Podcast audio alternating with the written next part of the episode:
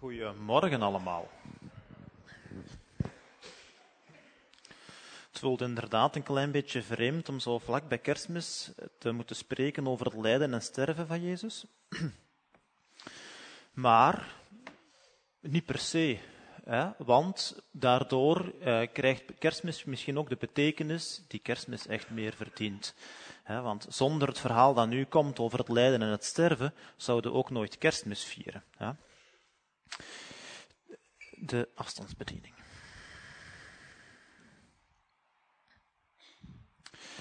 Zo, we zijn toegekomen aan de laatste preek in de reeks over het evangelie van Matthäus. Na deze preek is er nog één kringstudie om het geheel af te ronden.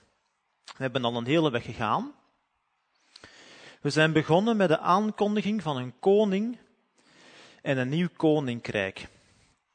Daarna kwam die koning dan op het toneel en hij begon onderwijs te geven, had een heel duidelijke boodschap bij. Zijn koninkrijk zou niet gebouwd worden op macht, op aanzien, op geld, met geweld, zoals dat bij alle andere koninkrijken op de wereld wel het geval is.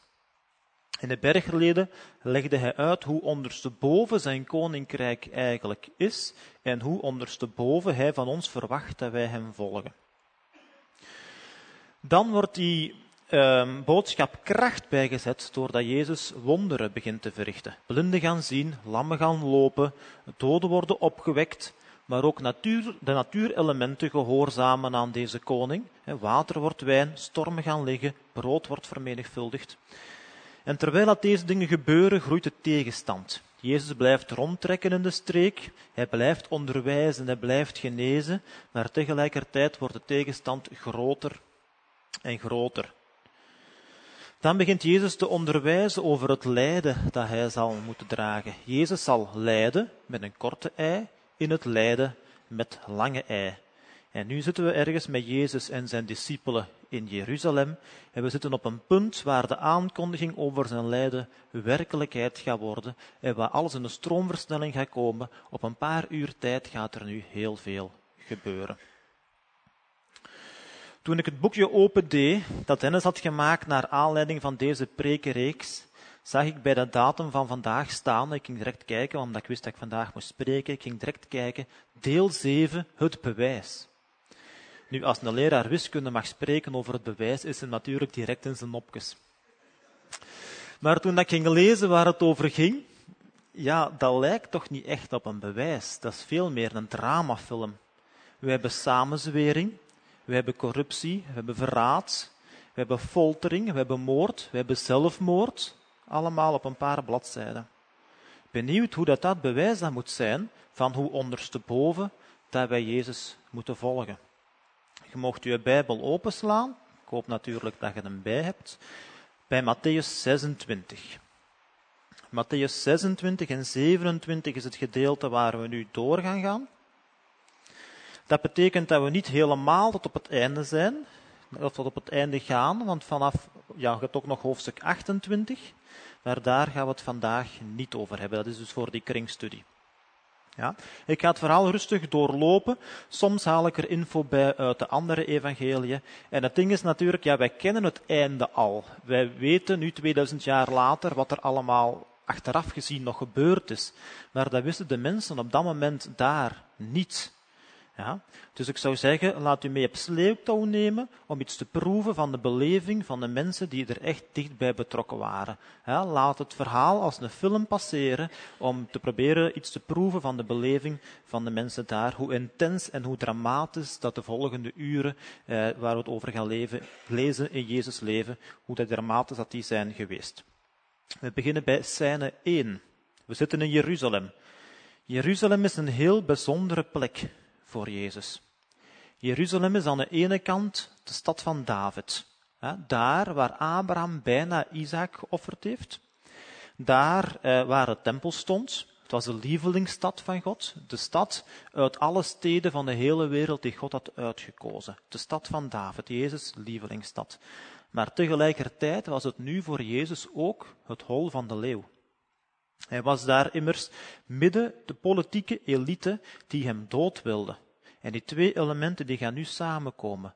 de stad van David en het hol van de leeuw, waar Gods plan de volgende uren dus zal uitgevouwen worden. Na de intocht in Jeruzalem een paar dagen geleden was Jezus rechtstreeks naar de tempel gegaan om die uit te kuisen. Dat heeft toen heel veel kwaad bloed gezet bij die overpriesters en de schriftgeleerden. Herhaaldelijk stuurden ze mensen om Jezus te betrappen op uh, een verkeerde uitspraak, maar herhaaldelijk antwoordde Jezus zo gevat dat ze geen weerwoord meer hadden. En in vers 3 tot 5 van hoofdstuk 26 lezen we nu dat daarom besloten werd om Jezus te doden. Het is enkel nog een kwestie van tijd, het besluit is genomen. Scène 2. We zitten in Betanië, vlakbij Jeruzalem, in het huis van Simon de Melaatse. Maria was de zus van Martha en Lazarus, die kennen we ook van andere passages. Die wonen daar ook. En Maria komt het huis van Simon binnen en begint Jezus te salven met een nardusalf die waarschijnlijk ongeveer de waarde had van een jaarloon. De discipelen zijn verontwaardigd, hè, met Judas op kop, want hoe schandalig is deze nu dat die een olie zo wordt verprutst? We kunnen die toch veel beter verkopen en dat geld uitdelen aan de armen. Maar Judas beheerde het geld van de discipelen en hij stal soms uit de kas.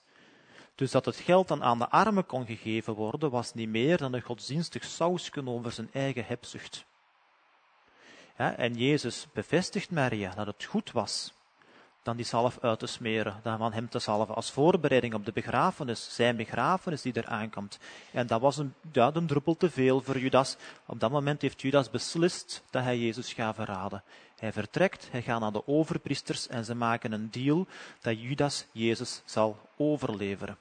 Dertig zilverstukken komen ze overeen, wat maar een fractie was van de waarde van die narduszalf van Maria.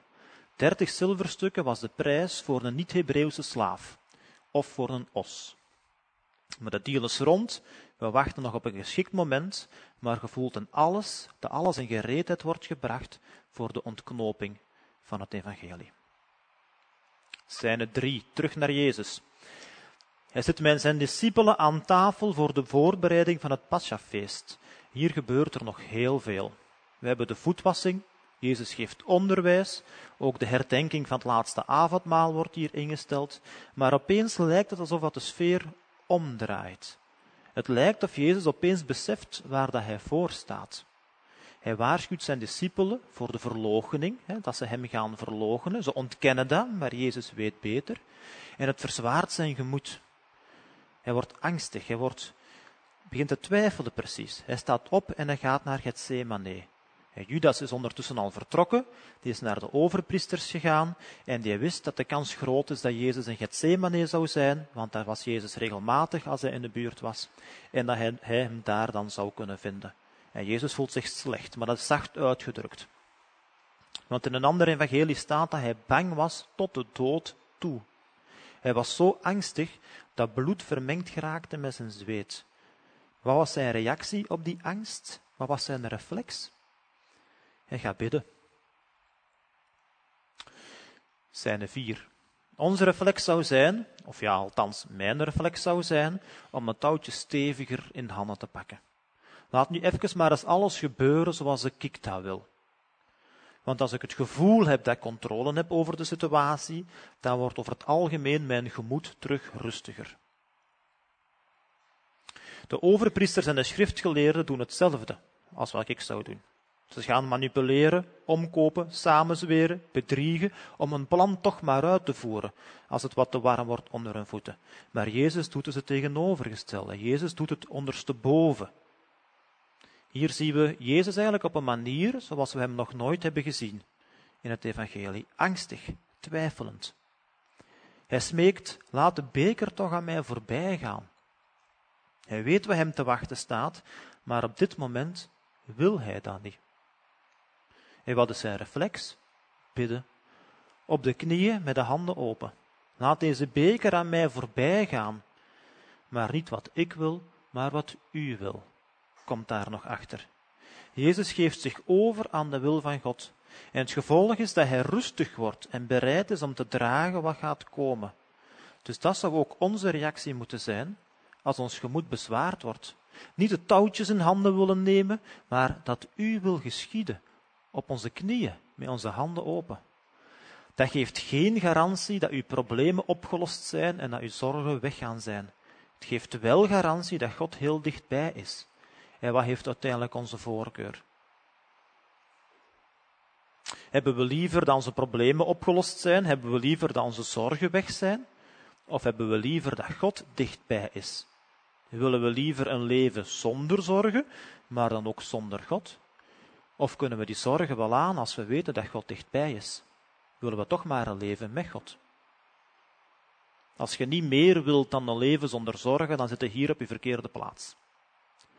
Maar als je naar Gods nabijheid verlangt, dan zit je goed. Maar waarom steken we dan zoveel energie in het oplossen van onze zorgen en in het vermijden van onze problemen of in het wegwerken van een bezwaard gemoed? En waarom steken we dan in verhouding zo weinig tijd en energie in het zoeken naar Gods nabijheid? In het biddend onze moeilijkheden bij God brengen? Na Jezus' gebed zijn zijn zorgen niet weg, zijn vooruitzichten zijn niet weg. Integendeel, Judas is al vlakbij. Maar zijn hart is rustig. Hij is klaar om de wil van de Vader te doen. Judas arriveert dan met een menigte. Soldaten die kenden Jezus niet, dus moest er een teken afgesproken worden, en dat was een kus. Petrus had waarschijnlijk nog met een wrang gevoel dat hij Jezus zou gaan verraden, hè, na die waarschuwing van Jezus. En hij dacht, dit is mijn kans om eens te laten zien dat ik een echte vent ben. Hij pakt zijn zwaard en hij slaagt het oor van Malchus af. Maar Jezus houdt hem tegen en hij geneest het oor. Want vechten is niet de wil van de Vader. Geweld is niet de manier waarop dat Gods koninkrijk wordt gebouwd. De arrestatie en al wat daarop volgt, is volgens plan. Jezus wil lijden in het lijden. Als Jezus wil ontsnappen, dan zou hij toch twaalf legioenen engelen kunnen roepen om hem bij te staan. Maar dat doet hij niet. Hij laat zich vrijwillig gevangen nemen. Zijn hart is rustig en in staat om Gods wil te doen. De discipelen vluchten alle kanten uit. Jezus blijft helemaal alleen achter. De soldaten boeien hem en nemen hem mee naar het Sanhedrin. In de film zou dit een moment zijn waarop het scherm een paar tellen zwart wordt. Lang genoeg om het publiek te laten denken van oei oei oei, wat gaat er nu allemaal gebeuren? Scène 5. Deze is de kans voor de overpriesters en de schriftgeleerden.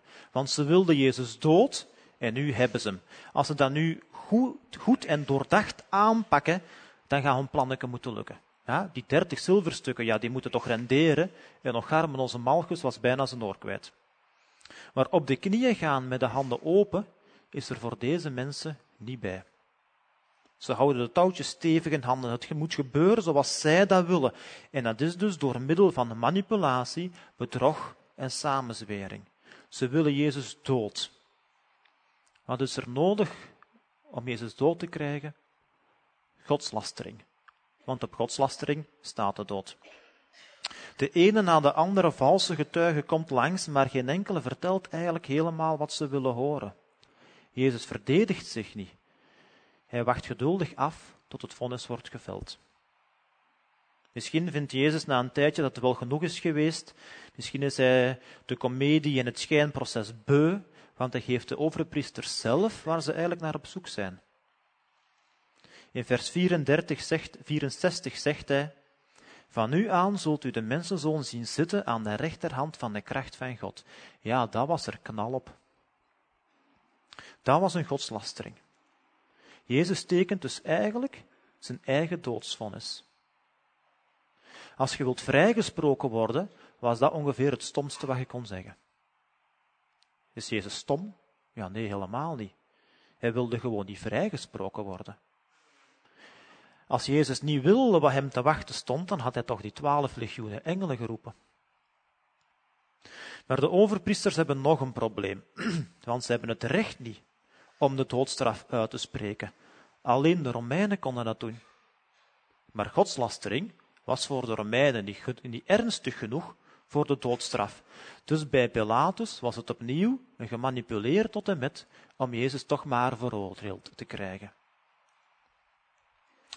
Pilatus was de vertegenwoordiger van het keizerlijk gezag.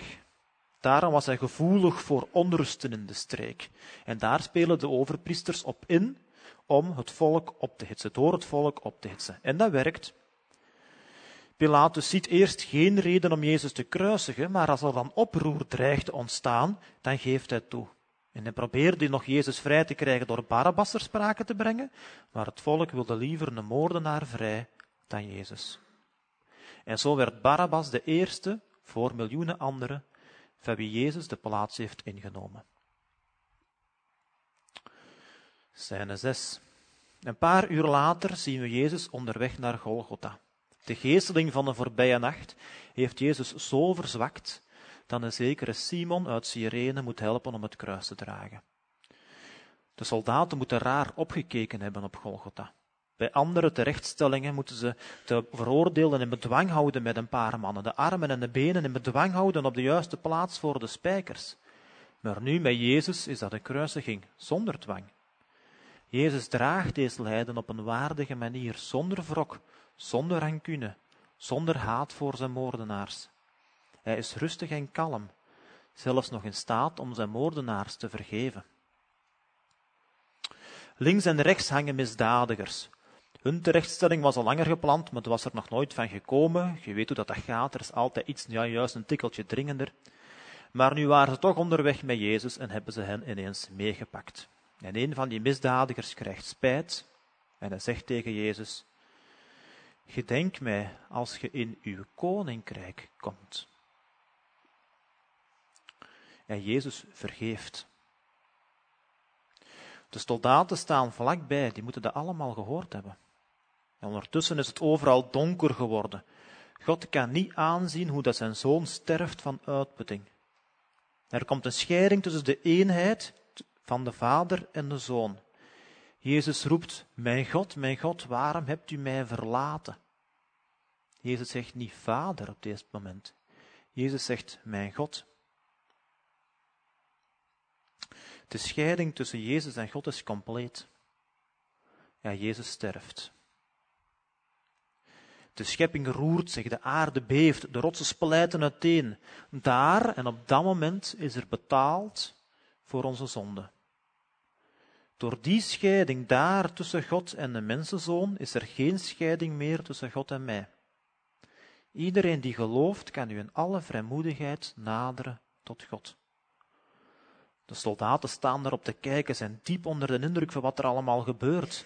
En een hoofdman, de centurio, zegt, werkelijk, dit was de Zoon van God.